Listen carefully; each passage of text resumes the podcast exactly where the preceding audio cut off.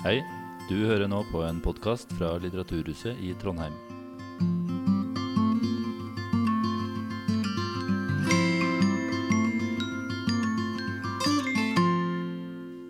Jeg skal snakke med utgangspunkt i denne boken 'Smerte i vår tid'. Og smerte er jo et uh, velkjent fenomen for alle som sitter her. Og har vært det selvfølgelig så lenge det har vært mennesker. Så har vi måttet forholde oss til at vi er smerteutsatte, smerteømfintlige vesener. Og det er jo lett å tenke at eh, det skulle vi vel helst ha sluppet å være. Fordi at det kan fremstå som negativt og ugreit. Slik at livet ville vært bedre uten smerte, og uten å måtte frykte for smerte. Det være i eget liv, det være i andres. Så slik sett så gir det jo en mening bare som et utgangspunkt. da, Jeg skal jo selvfølgelig et helt annet sted, som dere skjønner. Som et utgangspunkt å si at smerten kan fremstå med en slags sånn selvfølgelig negativitet. At uh, smerten er så å si mot meg, og derfor så er jeg imot smerten. At det er uh, en spenning, en friksjon, med hensyn til at smerten kan dukke opp. Og det vi assosierer uh, det med, hvis det går fra mulighet til realitet, det er jo at det vil svekke meg Selvfølgelig helt avhengig av hva slags smerte, men at det vil eh, begrense min utfoldelse, min frihet, min selvbestemmelse og rett og slett det jeg gjerne vil gjøre. Det kan bli begrenset, delvis, gradvis, eller helt definitivt. At jeg kan ikke gjøre noe som helst. Og med det så sikter jeg ikke nødvendigvis til døden, at smerten, ikke sant. Men jeg sikter også til den psykiske smerten, som kan lamme meg fullstendig. Sånn at jeg i og for seg korporlig helt i orden, ikke sant? men det psykiske har eh, tatt overhånd med hensyn til hva som gjør livet vanskelig, eller hva som er mørkt, dystert hva som vekker angst, osv. Og, og spesielt så kan angsten bli nærmest som en tyrann som vil bestemme alt. Og som dermed gjør at jeg får et liv helt på sokkelesten for å forsøke å unngå å vekke angsten. Eller jeg kan forsøke å lage strategier for å døyve den når den er der. Og det kan true opplevelsen av å være herre i eget hus, for å snakke med Freud. At angsten så å si tar bolig i meg. Selvfølgelig vil vi si uten at jeg har villet det, men også uten at jeg kan kontrollere det. Ja. Jeg skiller i denne boken enkelt fra starten av mellom psykisk smerte, som jeg nå har snakket litt om, og fysisk smerte. Og Et eksempel på den fysiske er jo at jeg hogger meg i leggen med øksa. Jeg er uheldig. Og det som det viser, at jeg kan være uheldig på den måten, det er jo at jeg også kan skades og det kan være meningsfullt å ha en distinksjon mellom at vi er sårbare vesener, og at vi er skadbare vesener. Som spiller litt på dette med det psykiske til motsetning til det fysiske. Motsetningen er ikke opplevelsesmessig ment. Som regel så vil eh, den fysisk forvoldte skaden øksa i beinet. også innebære en psykisk smerte. Og en psykisk smerte, litt avhengig av hvor lenge den var og hvor intens den var, vil også begrense meg kroppslig. Og da har vi metaforer for det som er kjent fra litteraturen, og vi kan se det på personen. Han er tynget, han er blitt stiv. Det er blitt noe ikke-levende, ikke-dynamisk i hele uttrykket. Det kan være gestene, ansiktet, mimikken, men det kan være hele den kroppslige fremtoningen som er, som er tynget av tunge tanker, vanskelige følelser. Og selv om vi gjerne vil plassere det siste i noe indre, tankene, følelsene, som en del av sant, indre subjektivitet, så vil det også ha et ytre, sånn sett, kroppslig uttrykk som andre legger merke til, og det vi da prøver å gjøre, det er å tolke det indre via det ytre. Det er noe vi bare gjør uten å tenke over at det er det vi har å forholde oss til. Han så veldig preget ut. Han så ut som det er tungt. Han så ut som han har vanskelige tanker og følelser og strever for tiden. Men jeg vet ikke helt hva det handler om, eller hvor alvorlig det er. Men det er tydeligvis sånn som han fremsto. Så det går jo sammen, det psykiske og det fysiske. Ja. Hvis jeg er uheldig med øksa og skader meg i leggen, så kan vi si at det er ganske greit for skolemedisinen. Forstått nå nærmest som naturvitenskap. Det er jo da en skade som er påført som så å si har en ytre, entydig årsak. Det er øksa som sitter i leggen.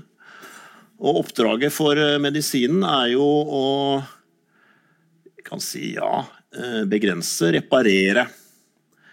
I den grad det går an. Og en sånn ytre forårsaket skade, f.eks. ved et øksehogg, har en type objektivitet og en type allmennhet med hensyn til hvordan det best skal håndteres av legen. Av de som medisinsk tar hånd om det. Hva mener jeg med objektivitet og dette universelle? Jo, rett og slett at uh, når legene har konstatert at uh, problemet her er uh, øksa som er i beinet, så vet de så å si hva de skal gjøre, for å si det veldig enkelt. Og da skal de gjøre det samme som de gjorde forrige gang. Det var en person som kom inn med samme type ytre forvoldt skade. Så prosedyren er klar sånn sett, medisinsk, hva som skal gjøres. Hva som gir utsikt til eh, lendring, lindring eller, eller bedring. Og det vil ikke variere fra den ene personen eller det ene tilfellet til det andre. Og sånn sett så er denne skolemedisinen som jeg beskriver nå, ganske sånn A4-grei. Og er du en lege som har gjort dette mange ganger, så hjelper det, det veldig på når du skal gjøre det enda en gang til her nå.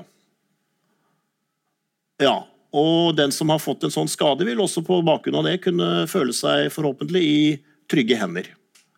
De vet hva som skal gjøres, og de vil gjøre det på beste måte. Når vi snakker om uh, psykisk smerte, så er det ganske annerledes. Og det at noe som er forvoldt psykisk, kan avstedkomme sykdom som også er somatisk. Det er en ganske ny betraktning. Ikke nytt som menneskelig fenomen, men med hensyn til å forstå hva slags mekanismer det handler om. At noe psykisk, til forskjell fra fysisk Der var eksempelet øksa. ikke sant? Noe psykisk har forårsaket La oss kalle det nå først lidelsen. Det som personen streber med. Det har ikke denne objektiviteten, denne allmennheten, som jeg nevnte for den fysiske skaden i det hele tatt. Faktisk så kan eh, omgivelsene, og selv de nærmeste, lure veldig på Hva er det som har skjedd her?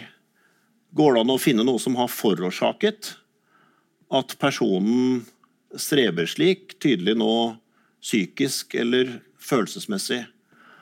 Hva er han eller hun blitt påført? Så kan man lete etter i og for seg ytre årsaker da, som ville gi en sånn forklaring. Det var jo den hendelsen, eller det som skjedde der, som opplagt må ha forårsaket at personen nå strever psykisk. Men som dere skjønner, så er det ikke nødvendigvis opplagt.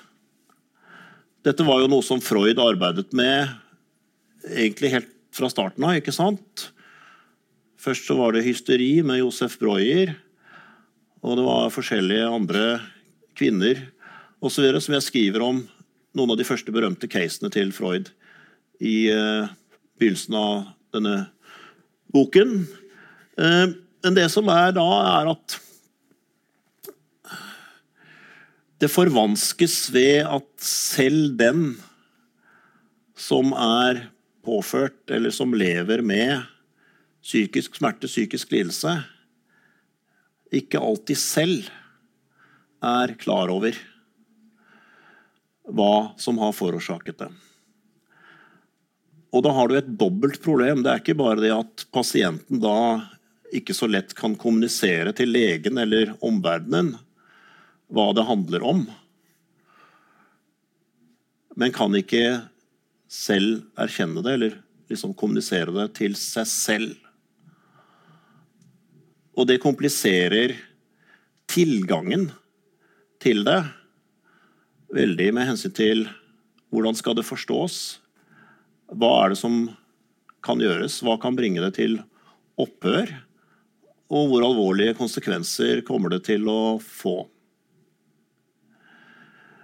I våre dager så snakker vi jo ofte om eh, krenkelser.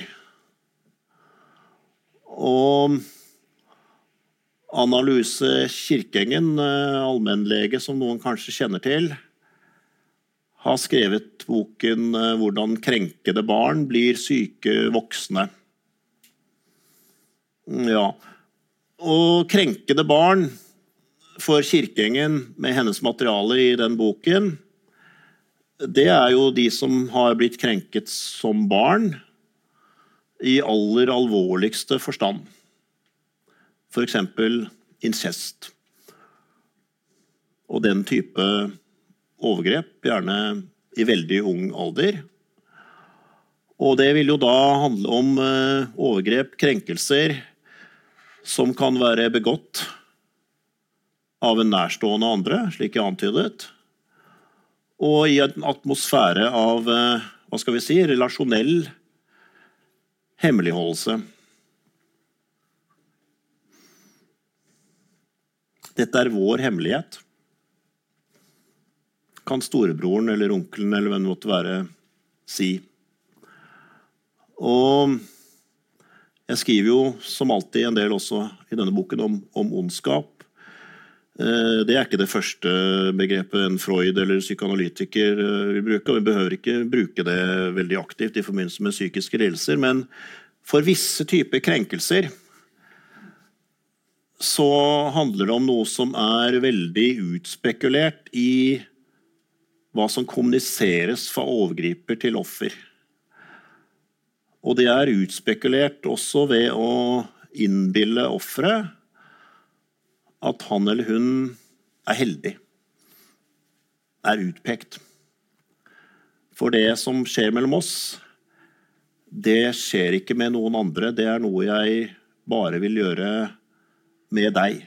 Legg merke til preposisjonen 'med deg', ikke 'mot deg'.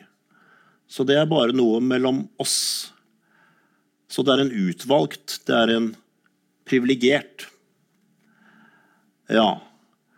Og det betyr jo at uh, et slikt barn, hvis det er det vi her snakker om, vil ikke kommunisere dette til omverdenen. Og ikke bare av den liksom enkle grunnen at det er redsel for straff eller skam, eller det opplagte i så måte, men mye mer psykologisk subtilt, og dermed også farlig på lang sikt. Og det har å gjøre med selvbildet. Det kan rett og slett være forvirrende for et lite barn å så å si lande og konkludere med om eh, jeg er heldig nå når dette skjer, eller jeg er uheldig. Om det er noe godt som skjer nå, eller om det er noe vondt. Om det er noe riktig som skjer nå, eller om det er noe galt.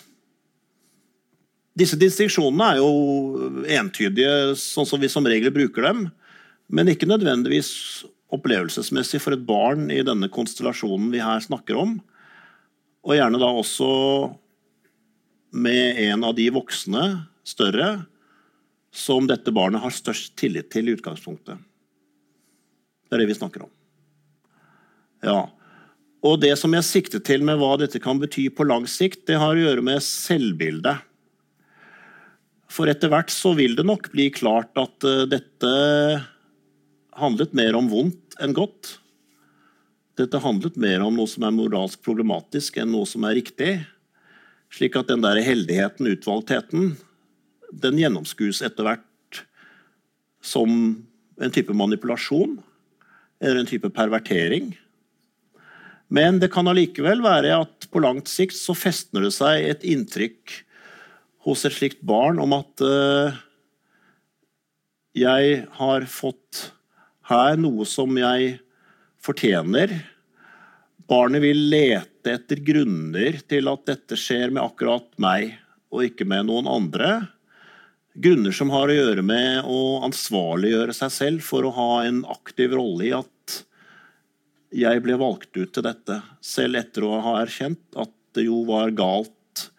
Men det er ikke opplagt at det som har å gjøre med skyld og anfølelse og skam å gjøre, eller skyldfølelse, legges på overgriperen, hvor vi vil si utenifra sett at det opplagt skal legges. Dette vet overgriperne veldig godt om, at det er sånn det fungerer. Og Det har jo også ført til et av de fenomenene som Freud skulle bli veldig opptatt av senere i forfatterskapet, nemlig med gjentakelsen. Tenk på alle som vi etter hvert vet om har blitt utsatt for alvorlige krenkelser i barndommen, overgrep, overgripere, nærstående i barndommen, som gjentar det med de partnerne, de kjærestene de får, og får gang etter gang on and off gjennom voksenlivet. Og I de tilfellene så kan det være snakk om å streve forgjeves etter å komme i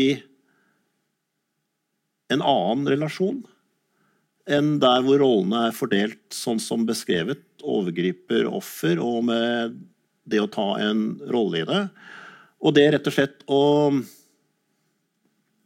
tørre å gå inn i en relasjon hvor man er den som stiller krav, og allikevel kan bli tatt imot og bli elsket i den relasjonen. Det er det det veldig mye handler om, å tørre å skrive og rett og slett ta, og gjøre krav på å bli behandlet på en ordentlig måte istedenfor å bli mishandlet. Men selvbildet kan være knyttet til at man har rett og slett ikke noe øvelse i noe annet enn en som bare hver gang blir utsatt for dette, og tydeligvis heller ikke fortjener noe bedre. Og det som er klangbunnen i det igjen, det er at vi mennesker vi søker en mening med det som skjer med oss. Og det kan jo høres positivt ut på mange måter, det. At vi er meningssøkende. Og vi er ikke minst meningssøkende når vi opplever smerte. Da intensiveres ikke bare søknaden, men virkelig behovet for å finne mening. Når det i utgangspunktet kan man si, skjer noe meningsløst, noe som ikke burde skjedd, da blir behovet for allikevel å finne en mening eller en mening bak enda større. Dette kjenner vi ikke bare fra det materialet jeg nevnte fra Kirkeengens bok. Vi kjenner det også fra konsentrasjonsleirene, Viktor Frankel osv. Memoarene som er skrevet fra folk som har blitt torturert eller mistet sine nærmeste under ekstreme forhold. Å søke en mening med det i og for seg meningsløse eller helt uproporsjonale ikke sant? i termer av vold osv. som de ble utsatt for. Og det behovet for å, for å søke å finne mening, det er ganske grenseløst. Og folk kan ende opp i og for seg med å klynge seg til det vi kan si er en type fortelling. da. Det er jo det det handler om. En type fortolkning som gir mening til det som skjedde. Som kan virke veldig far-fetched for omverdenen, alle andre. Men det det kommer an på, er jo om den funker for personen det gjelder, eller ikke. Og det kan være veldig vanskelig for andre å korrigere sånne fortellinger, fortolkninger, særlig når de er dannet fra veldig tidlig av og bare så å si blitt forsterket og blitt bekreftet opp igjennom, uten at det er noe annet som skjer som ville ha kunnet korrigere det eller virkelig stille på prøve. Freud snakket om gjentakelsestvangen, og det var, forstå meg rett, intellektuelt veldig fascinerende for Freud hvordan mennesker da også søker tilbake til for å reoppleve det aller verste de har opplevd. Vi skulle jo common sensis tenke oss at uh, vi ville sky som pesten. Brent barn Chirillen osv. Så sånn. Sånne visdomsord. Men det er ikke nødvendigvis tilfellet. Og det har å gjøre med et, et, annet aspekt som jeg skal komme inn på nå. Så nå er det fra det ene kapitlet til uh, det neste. Og da har vi jo Johnny Cash. Og da vet dere jo hva, hva det er. Det er da selvfølgelig låten 'Hurt'. Hans store comeback på gamle dager. I hurt myself today to see if I still feel. I focused on the pain, the only thing that's real. Ja, så Det første jeg sa, er jo nå, ser vi, veldig forenklet og ikke helt riktig. Smertens negativitet.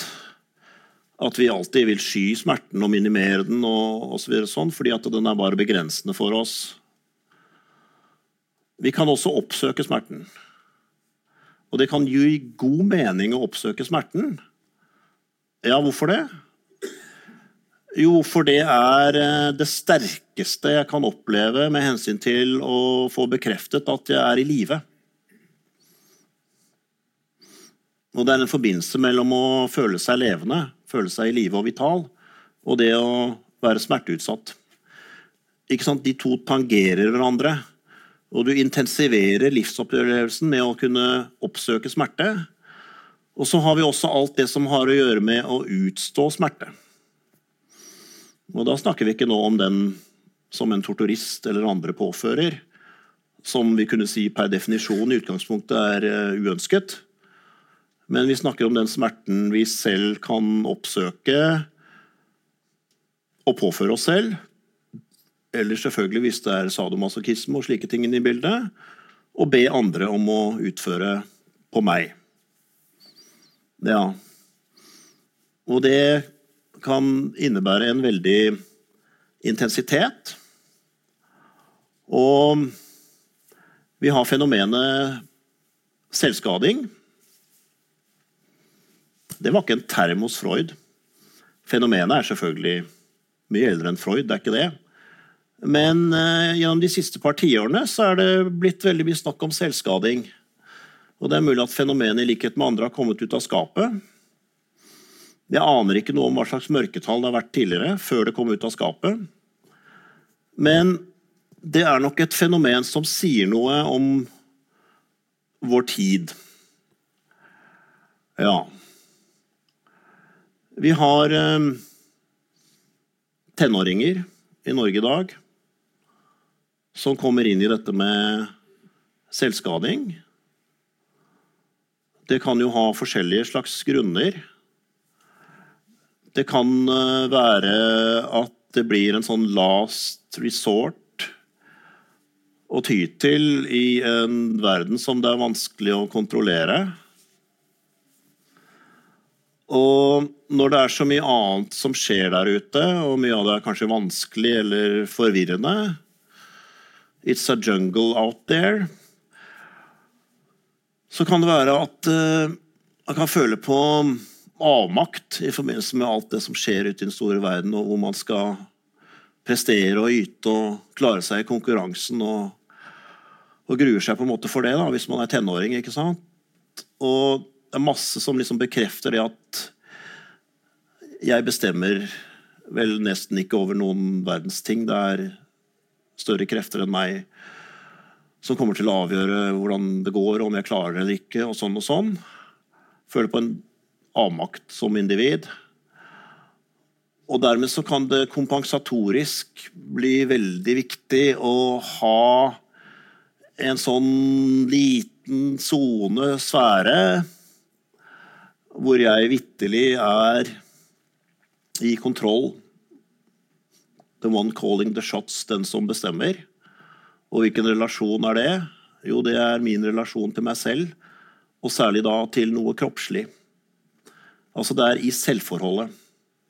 Så i relasjoner med andre, eller utad mot storsamfunnet, så kan dette med å være autonom og selvbestemmende og fri og utfolde seg og videre, alle de positive greiene der, oppleves mer eller mindre som en illusjon. Ikke sånn som det er. Og det kan være nederlag og tap og forskjellige ting der fordi at uh, man strekker ikke til, og det hjelper ikke bare å prøve og bare å ville det osv. Så, så kastes man så å si tilbake på seg selv, og så går det an å forsøke å lage noe i selvforholdet hvor denne friheten og det å bestemme over noe skrumper så til de grader inn at til slutt så er det bare det jeg gjør mot meg selv, og særlig som sagt mine kroppslige funksjoner, som er igjen som en sånn type sfære hvor det er jeg som bestemmer. Det kan gjelde matinntak, matregulering, hva som kommer inn, hva som kommer ut. Og det kan være forskjellige, etter hvert, ritualer med hensyn til å, å rispe seg opp osv. Det er ikke noen grunn til å gå i noen detaljer her, men det er dette fenomenet. Og der kan det også være en sånn dobbelthet, fordi at noen beskriver at, uh, at det er noe sånn lettelse. Det er noe frigjørende ved å påføre seg smerte. Det kan være vanskelig å snakke om. Men uh, det er på en måte det er den jeg begynte å snakke om hemmeligheten relasjonelt, overgriper offer, men det er den hemmeligheten jeg har med meg selv. Man setter av tid. Man vet når det ikke er noen andre i huset, noen som kan komme og banke på døren når man har låst seg på toalettet og sånn. Og setter av tid for seg selv. Og så er det dette som det handler om å, om å gjøre. Da. Og da er det det som Johnny Cash også er inne på i denne teksten. At uh, det gjør en forskjell og det er en type um, intensitet med denne smerten, og det er det å for så vidt også oppsøke grenser, og kanskje det begynte i det små, og så må det mer til. Og Det er jo en dynamic slippery slope som allerede Sokrates var inne på i forbindelse med hedonisme. ikke sant? At det som vi sier i våre dager gir et kick, det var det og det første gang, så ga det et stort kick. Så gjør du det samme en gang senere, og så gjør det ikke det allikevel. Så du skjønner at det må mer til, eller må noe annet til. Og så er du i gang. Du må gjøre mer for å oppnå det samme. Ja. Jeg sa at uh, smertefenomenet og hvordan vi forholder oss til det, også kan si noe om uh, samfunnet og tiden vi lever i. Så jeg skal gå litt over til det nå. Ja. Um, generelt så uh, sier jeg i boken med en distinksjon fra psykiater Svein Haugsgjerd at uh, vi kan forholde oss til smertefenomenets mulighet og realitet i våre liv på to måter. Enten så transporterer vi smerten for å håndtere den, prøve å håndtere den på den måten. Eller så transformerer vi smerten for å forsøke å håndtere den. Transport eller transformasjon. Hva er eh, transport? Jo, det betyr jo her å sende videre til en annen. For selv å bli kvitt det. Jeg har hatt en ugrei dag på jobben. Det var en sarkastisk bemerkning fra en eh, kollega som beit skikkelig, men jeg hadde ikke noe anledning til å respondere. Jeg kommer hjem, og den første og den beste som jeg treffer på hjemme, får seg en skikkelig overhaling. Og blir jo overrasket. Det er jo lyn fra klar himmel, og hvor kommer dette fra? Hva handler dette om? Men eh, det jeg er ute etter psykologisk, det er eh, at jeg blir kvitt søpla. Som jeg ble påført for et par timer siden av kollegen. Men jeg har ikke hatt noen annen mulighet, verken da eller før nå, til å skyve videre for å bli kvitt det. Og I den psykologiske dynamikken der så er det som om eh, det jeg nå kaller selvfølgelig psykisk smerte Det er ikke på øksa nå, men det er, det er det at det var noe som beit, og som var ydmykende og sånn og sånn. Traff på et ømt punkt. Alt dette psykiske, følelsesmessige at vi behandler det så å si som om det er noe tingaktig. Transport har å gjøre med å flytte noe fra et punkt A, eller en person A, til en annen B. Som om dette kan lykkes på den måten at det nå er fremme hos B, så er det ikke lenger hos meg A. Jeg har klart å flytte det, og da tynger det den andre som nå har fått det, og så letter det meg tilsvarende. Som et nullsumspill. Jo mer jeg klarer å bli kvitt, desto mer er det nå den andre må bære på. Og jeg er veldig tilfreds med å se at uh, det sitter. Jeg får det til. Og den andre kan bli veldig paff nettopp i de tilfellene hvor det er som sagt, lyn fra klar himmelaktig. Og det er jo det med de aller nærmeste at jeg vet jo hvor de gjemmeste punktene er, så vi kan få det til å sitte med veldig høy grad av presisjon. Basert på øvelse gjennom et langt liv, f.eks. med kona. Jeg tenker den satt, jeg, og det ser vi at uh, det gjorde den. Ja, uh, det er ingen grunn til å le av dette hvis vi tar det en omdreining til. Så ble jeg opptatt av transport på gruppenivå. Spesielt da jeg arbeidet med folkemord i Bosnia. Dere merker at jeg svinger meg opp fra mikro til makro. ok? Ja. Men noe av dynamikken er lik, kan beskrives ganske likt akademisk. Eh, det kan være forsøket på right old wrongs. Og når Milosevic holder sin berømte tale på Kosovo Polje 27.6.1989, så snakker han eh, om et slag 600 år tidligere, som om det var i går. Det er på nivå av det Freud kaller primærprosesser. Ok? Ja. Og det som er viktig da, det er at vi det serbiske folk, som nå er samlet her i dag, minnes nederlaget vi ble påført, og minner oss selv på at dette er en krenkelse der vi er offer, og hvor vi egentlig enda ikke til denne dag har hatt, eller i hvert fall ikke har benyttet, muligheten til å rette det opp, til å slå tilbake. Slik vi jo bør.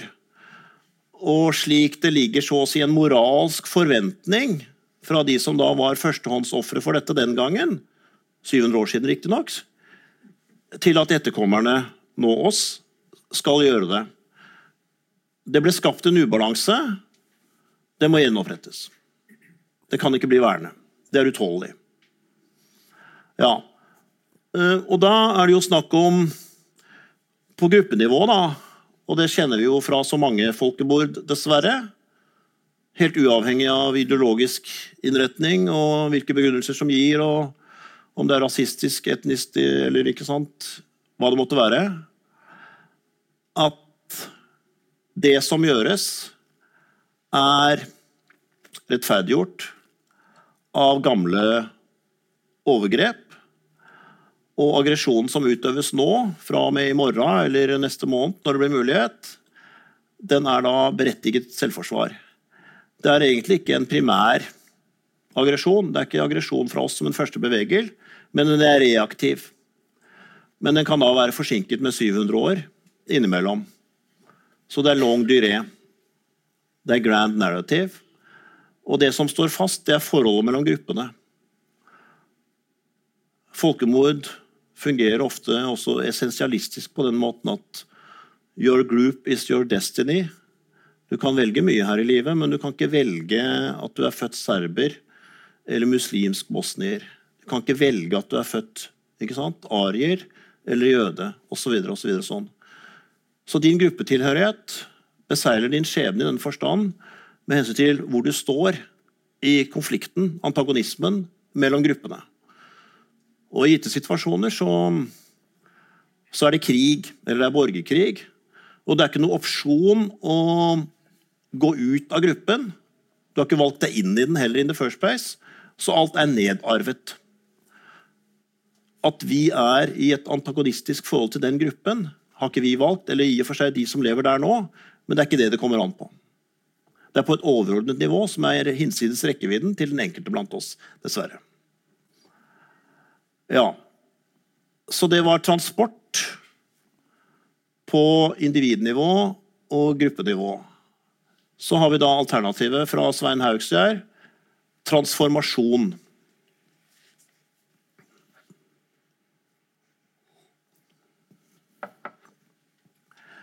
Ja, det er jo en omdannelse og transformasjon av smerte som er påført, og som jeg eller vi sliter med. Vi merker at den er påført den kan skje ved hjelp av symboler. Og det betyr noe kunstnerisk. Og det det handler om, det er den type kunst Det kan være bilder, musikk, romaner. Bare nevn de ulike kunstsjangerne, kunstmediene, som har, avhengig av hvilken sjanger, hvilken form det er, på sitt vis tematisert smerten i menneskelivet. Litt sånn 'intet menneskelig er meg fremmedaktig'. Jeg pleier å bruke Munchs malerier som et eksempel på hva jeg mener her. Jeg husker de første gangene jeg var på det gamle Munch-museet med besøkende som jeg kjente. Jeg hadde en japaner med en gang. Som ikke hadde sett noe særlig Munch, tror jeg. Så kommer du inn, og enda når det var eh, egentlig lang avstand til bildene som hang på veggen der borte, så var det mulig for han å si at der har vel Munch malt ensomhet på et vis, eller sjalusi på et vis, eller angst på et vis.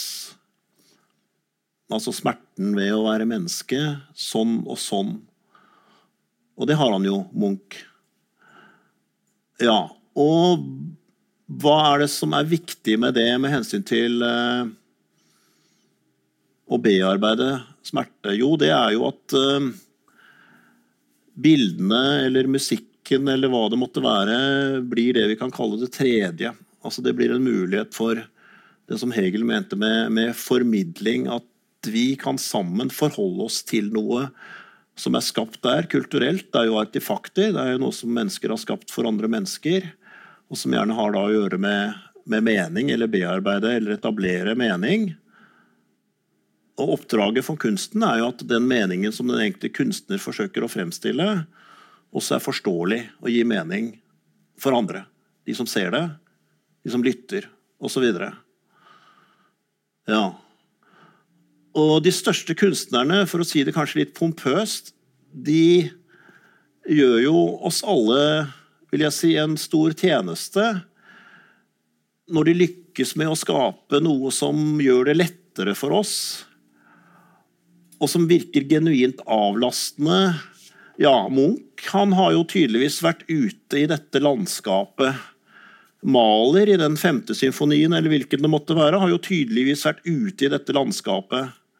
Jeg snakker jo nå mer liksom, i det litt mørke eller vanskelige enn det lyse. Selvfølgelig er kunsten på begge sider, og sånn, det er ikke det, men, men jeg snakker nå i, den, i det spekteret. ikke sant? Ja. Altså, Det blir lettere for meg etter det jeg har opplevd, og som er vanskelig, og som også gjør at jeg lurer på hvor forståelig det er for andre, hvor vanskelig jeg har det, og hvorfor jeg har det vanskelig osv. Og det å da kunne oppsøke kunst, for så vidt for min egen del, men også da sammen med andre, kan gjøre oss at vi slipper hele tiden å måtte sette ord på det. For det er allerede noe av det samme, det samme landskapet, som er fremstilt i de bildene eller i den musikken. Og det kan være veldig vanskelig å sette ord på det. Vi kan synes at kunsten sånn og sånn, det og det verket, har et presisjonsnivå som vi aldri kan nå når vi snakker sammen. Og det er eh, det som er den positive funksjonen ved kunst med hensyn til eh, transformasjon. Og vi kan også vokse på noen vanskelige opplevelser, noen smerteerfaringer. Men jeg vil være litt forsiktig med å si det på denne måten, for jeg tenker at eh, det er ikke noe oppgave å skulle gjøre det så å si hver gang man måtte være i en krise. Det kan bli veldig farlig at man skal ha en forventning eller gjøre til en forventning til seg selv. Og det kan også være noe med at uh, det er først når man er utsatt for en krise at man blir prøvet, at det er en form for karaktertest. Han har jo bare kjørt nedoverbakke hele livet, har han ikke det? Tar du den, så tar du den. Nå har det skjedd noe helt annet her. Nå skal vi se hva slags stoff han er laget av. Det kan være ganske farlig. At det blir en sånn test på karakter og liksom det autentiske og liksom det sanne. Vi kan ha en sånn forventning om at, at, sannheten om denne personen har å gjøre med tåleevne og har å gjøre når man virkelig blir prøvet. Som om det er da når det er som aller vanskeligst at det mest autentiske kommer frem. Og hvorfor skulle det egentlig være en korrelasjon mellom de to? Ok. Ja. Jeg skriver eh, i denne boken etter hvert eh, om smerte i et kulturkritisk perspektiv. Og det som jeg knytter an til når jeg gjør det, det er det jeg kaller eh, grunnvilkår. Tilværelsens ufravikelige grunnvilkår. Og da sikter jeg til avhengighet, sårbarhet, dødelighet, våre relasjoners skjørhet og eksistensiell ensomhet. De fem. Det kunne vært flere, men det er de fem her. Ok? Ja. Grunnvilkårene skal si noe om uh, en type betingelser om man vil, som rammer inn livene våre. Som er gitt. Vi velger ikke hver og en om vi vil være avhengige og sårbare og så vesener. Eh, vi er det. Vi er født som det. That's a given. Og Det betyr at vi må alle da forholde oss til at det er de gitte grunnvilkårene. Og Sånn sett så er de jo rimelig demokratiske, i den forstand at de gjelder for alle.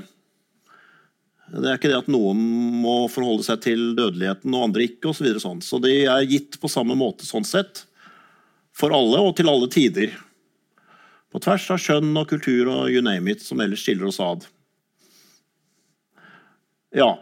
Men så er det jo det at eh, livene vi lever, er jo veldig forskjellige, da. Med hensyn til hva som rammer oss. Når vi får aktualisert de ulike grunnvilkårene, er avhengig av hva som skjer med oss. Avhengigheten, relasjonenes skjørhet, det kan jo være hvis vi mister vår nærmeste, så aktualiseres hvor avhengig jeg var av, hvor mye den relasjonen til det mennesket betydde. Når vedkommende er falt fra, eller det har skjedd brudd. Dødeligheten det kan være den nærmeste andres, det kan være min egen. Hvis jeg får en alvorlig sykdomsdiagnose, så kjenner jeg på for første gang jeg er dødelig. Jeg vet ikke hvor lenge jeg har igjen. Legene sier det er veldig alvorlig. ikke sant? Det kan være andre, det kan være meg. Ja. Så det vil jo variere fra den ene av oss til den andre. Hvilke grunnvilkår som liksom aktualiseres, trigges, når og på hvilken måte. Eh, og noen er så heldige vil vi da si, at de har en ganske sånn smooth sailing lenge i livet. Jeg husker da Gro Harlem Brundtland eh, mistet sønnen sin i selvmord. Så sier hun i et intervju at uh, det er første gang i mitt liv at det virkelig har skjedd meg noe sånn veldig sånn alvorlig i form av, av tap eller motstand eller ikke sant, på den.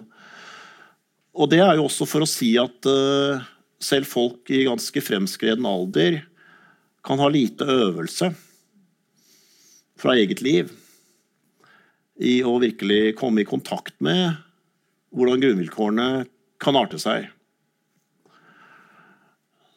Noen kan seile ganske greit på dette her, og det, det kan også gi vil vi si, dette perspektivet et litt sånn falskt selvbilde og litt sånn falsk fremstilling av hva livet så å si handler om. da.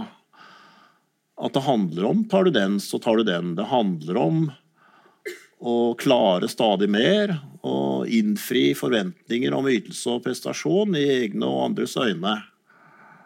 Og seile på det. Og det kan understøtte en opplevelse av eh,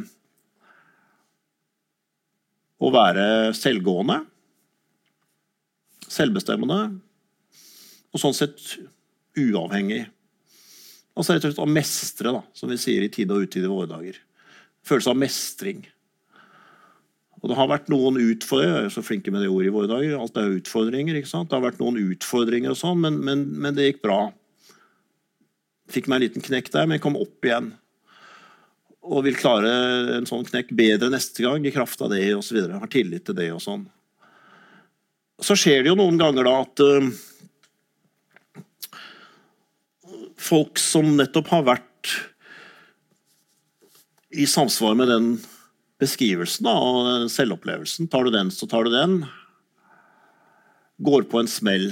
Det er veldig interessant med disse uttrykkene vi bruker språklig. De sladrer om uh, kultur og tidsånd.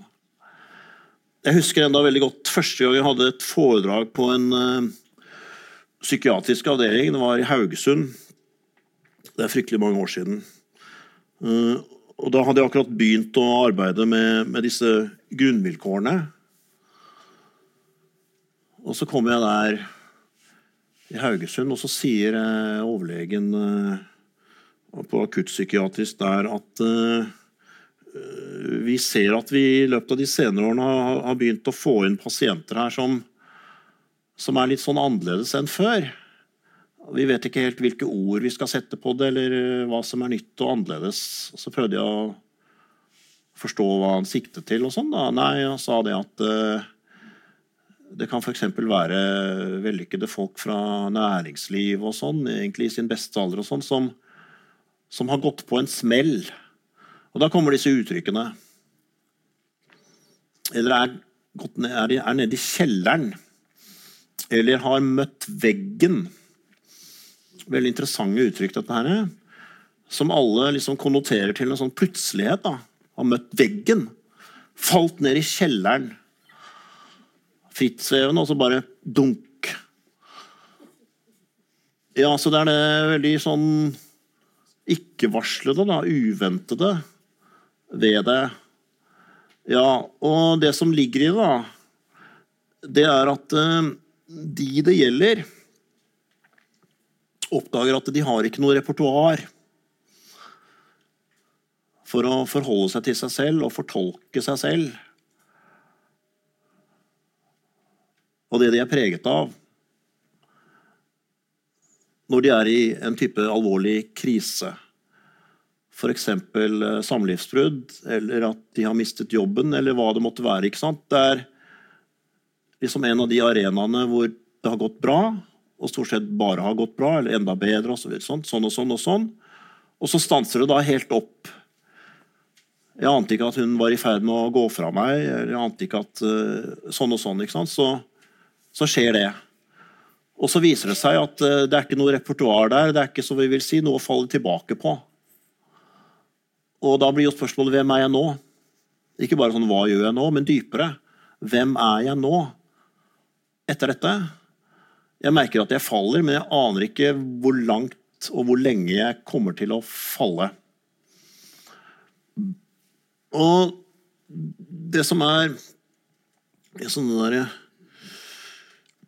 um, Hva skal vi si Dissonansen i det, som han legen beskrev meg den gangen i Haugesund, det er det at uh, disse folkene, det er gjerne menn, de kan lire av seg at dere kan få maks, eller jeg har maks en måned på at dere reparerer meg. Altså, I mangel av noe annet og bedre og mer egnet, så er det et helt sånn instrumentelt, økonomistisk språk. Jeg må tilbake igjen på jobb. Jeg må tilbake igjen der jeg var, og, og prestere. Sett meg i stand igjen dere vet mer om hva som har skjedd meg, enn jeg gjør, og sånn, og, men dere vet jo dermed også hva som skal gjøres. Gjør det. Som noe sånn helt utvendig. Ja.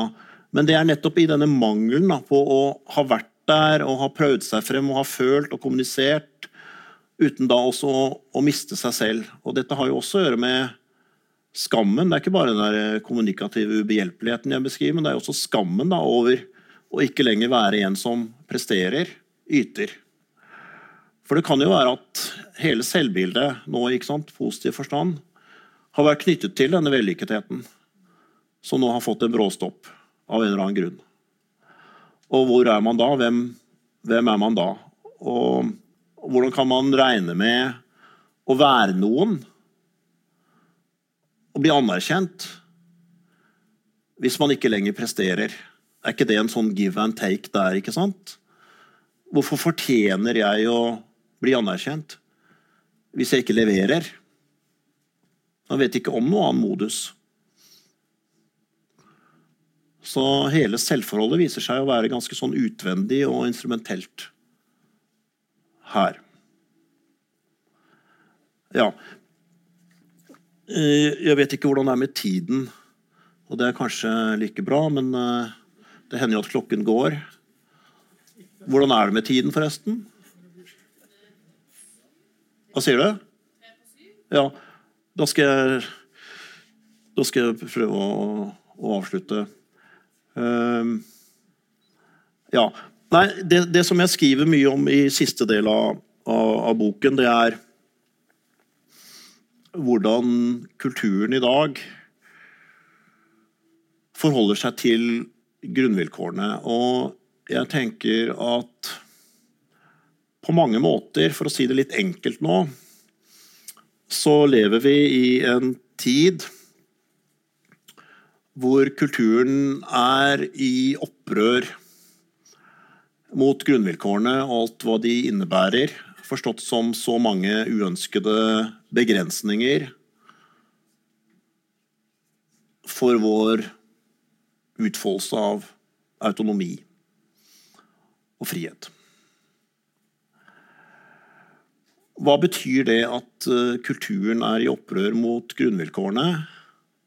Den enkleste måten å beskrive det på er nettopp i kontrast til det som har å gjøre med individuell frihet. Og jeg tror det er riktig å si at liksom det som er trumf i vår tid, det som er den ypperste verdi, det er den enkeltes selvbestemmelse, autonomi, i tradisjonen etter filosofen Kant. Og som kultur så er vi jo på mange måter veldig stolt av det, og det har gitt oss individuelle menneskerettigheter og masse fremskritt. Egalitært. Enhver person har egenverdi, menneskerettighetserklæringen osv. Som, som har den kantianske arven, om du vil, i så måte. Og at et menneskets verdi ikke er avhengig av gruppetilhørighet og, og noe kollektivt og sånn og sånn, men men tilhører det distinkte individet. Egenverdet, virdet, hos Kant. Så det har vært eh, en kulturell prestasjon på et vis at, at, vi har latt individet få være selvbestemmende også over mange spørsmål i livet, hvor det ikke var noe reell selvbestemmelse før. Kanskje med unntak av en privilegert klasse. eller noe sånt. Liksom. Så det det er masse å si om det på den positive fløyen. Men det som er betenkningen, og det har vist seg veldig tydelig i ja, de senere tiårs, tiårs utvikling, vil jeg si, som har mye å gjøre med nyliberalismen og hvordan individets valgfrihet arter seg i våre dager. Og det jeg skriver om der, det er jo at uh, valgfriheten kanskje bedre er beskrevet som valgtvang.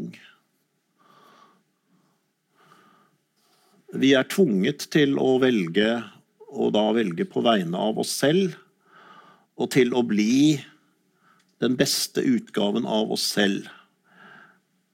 Jeg vet ikke hvem som først lanserte den talemåten, å bli den beste utgaven av seg selv. Eh, men den har sannsynligvis hatt omtrent like stor eh, kulturell eh, betydning som reklameslagordet 'fordi jeg fortjener det' og de er beslektet. Og begge er på måte på sine premisser helt unbeatable, hvis dere skjønner hva jeg mener. Ja. Eh, det dette betyr for smerte Jeg rekker ikke si så mye om det, for klokken var mye mer enn jeg trodde. Eh, det det betyr, det er jo at vi lever i en tid hvor det også forventes av storsamfunnet at individet skal takle smerten skal takle hvordan grunnvilkårene måtte slå inn, uten at det blir hva skal vi si, et langt opphold i å kunne yte og prestere. Og også hver og en når man er rammet av samlivsbruddet eller hva det måtte være, hvor det er snakk om nederlag og tap og noe som truer dette selvbildet som er knyttet til frihet og det å yte og prestere, at man da skal reparere seg selv og mobilisere ressursene som kreves for å være andre i minst mulig grad og kortest mulig til byrde i så måte. Så det er veldig mye som er plassert inn i selvforholdet med hensyn til å håndtere dette. og Det er for så vidt logisk i den forstand at i et samfunn hvor du er din egen lykkes med, så må du også håndtere din egen ulykke. Det negative der følger med som den andre siden så å si på lasset av det positive. Ja, og det som det fører til. Da. Det har jeg beskrevet litt i en annen bok som heter 'Studier i ondskap', i tilknytning til eh, Breivik, så kanskje jeg bare kan si bitte litt om, om det. For å henge det på en velkjent knagg. Breivik, ja. Litteraturkritiker i Klassekampen Tom Egil Verven fulgte rettssaken mot eh, Breivik. Skrev en bok om det med tegninger av Sverre Malling. Og der skriver Verven i form av å stille et spørsmål Hadde noe av dette skjedd? Hvis eh, Anders hadde hatt noen å gå til når han opplevde det som må ha vært forskjellige nederlag og tap gjennom ungdomstiden og senere hen og i årene frem mot det han gjorde. Hvis han hadde hatt noen å, å gå til, så hadde han kanskje ikke gått eller slått inn på den veien han gjorde. Og, og det større spørsmålet, da Man kan mene at det var veltruffet å bruke Breivik som eksempel på dette, men liksom det kulturelle fenomenet som jeg tenker at, at Verven veldig riktig peker på, da, det er jo spørsmålet hva slags toleranse har vi for å høre på det som handler om tap og nederlag, og det som den enkelte ikke klarer å bære selv, og ikke er selvgående på. Og er vi, i er ferd med å få et samfunn hvor det er stadig mindre tillit til at jeg vil bli tålt, jeg vil bli tatt imot, jeg vil bli holdt, som psykoanalytikerne sier. Jeg vil fortsatt bli elsket. Jeg vil bli værende i relasjonen. Hvis jeg viser dette Hvis jeg viser hvor liten, hvor lav, hvor svekket jeg føler meg, vil, vil det bli tålt? Eller er det noe som ikke tåler at jeg deler det, slik at jeg dermed er henvist til å håndtere det selv? Ja. Og det derre med å håndtere det selv Hvis eh, relasjonene for å håndtere det med andre ikke er der, eller man ikke har tillit til at de tåler vekten av det, så man bruker det ikke, så kan blikket gå i retning av transport. Altså Hvis mulighetene for en transformasjon sånn og sånn ikke synes tilgjengelige Det er ikke spørsmål om de liksom er objektivt tilgjengelige, hvis du skjønner. Det er om de oppleves, om man har tillit til at det tåles eller ei. Det er det det kommer an på. Hvordan det oppleves. Ok? Ja. Så hvis det ikke prøves engang med transformasjon Og det kan jo også ha å gjøre med klassetilhørighet og symbolsk fattigdom. Jeg nevnte Munch og Maler. Og det er ikke det at det ikke kan være også tilsvarende kunstneriske fremstillinger av det vanskeligste i livet, i det vi vil kalle lavkultur, til forskjell fra høykultur. Men spørsmålet er allikevel, hvis det ikke er en god tilgang der, og jeg har også en analyse av, av kulturens omgang med vold i og for seg, ikke rekker å komme inn på nå, som handler veldig mye om å imitere vold, og nærmere da ikke legge den kunstneriske avstanden til vold, hvor den bearbeides mer abstrakt, men den blir veldig konkretistisk. Uh, ja, det er, et, det er et eget tema. Men det jeg skulle frem til, det er dette med transformasjon, hvis den oppleves som, som, sperret eller ikke tilgjengelig, så er det bare transporten som står igjen. Og det kan bli veldig eksplosivt. Og da vil det i mangel av denne kommunikasjonen og det jeg har snakket om, da, som er sant, det å åpne seg og tørre å vise seg og sånn, også bli en enorm overraskelse for alle rundt og det er jo det som ofte skjer, da. Kanskje det tydeligste eksempelet er jo masseskytingen i USA. ikke sant? At uh, det var ingen som visste at han, eller som skjønte at det er som regel en han da, i de tilfellene. ikke sant? Altså det, det, forteller også noe. Det er ingen som hadde hatt kontakt med, det er ingen som hadde hørt om. Også det de finner, da, det er jo selvfølgelig at de, de har funnet medsammensvorne ideologisk og så videre, sånn og sånn på nettet. Men det har jo helt klart en sånn substitutt eller surrogatfunksjon. Det hadde vært så mye bedre om f.eks. faren til Anders hadde vært der. Skjønner dere? Ikke sant? Da hadde vi ikke kanskje hatt 22. juli. Det er hypotetisk, men det er bare for å gjøre poenget her. Hva som manglet. Ja, jeg tror jeg må bare avslutte nå, så, så er det anledning til spørsmål.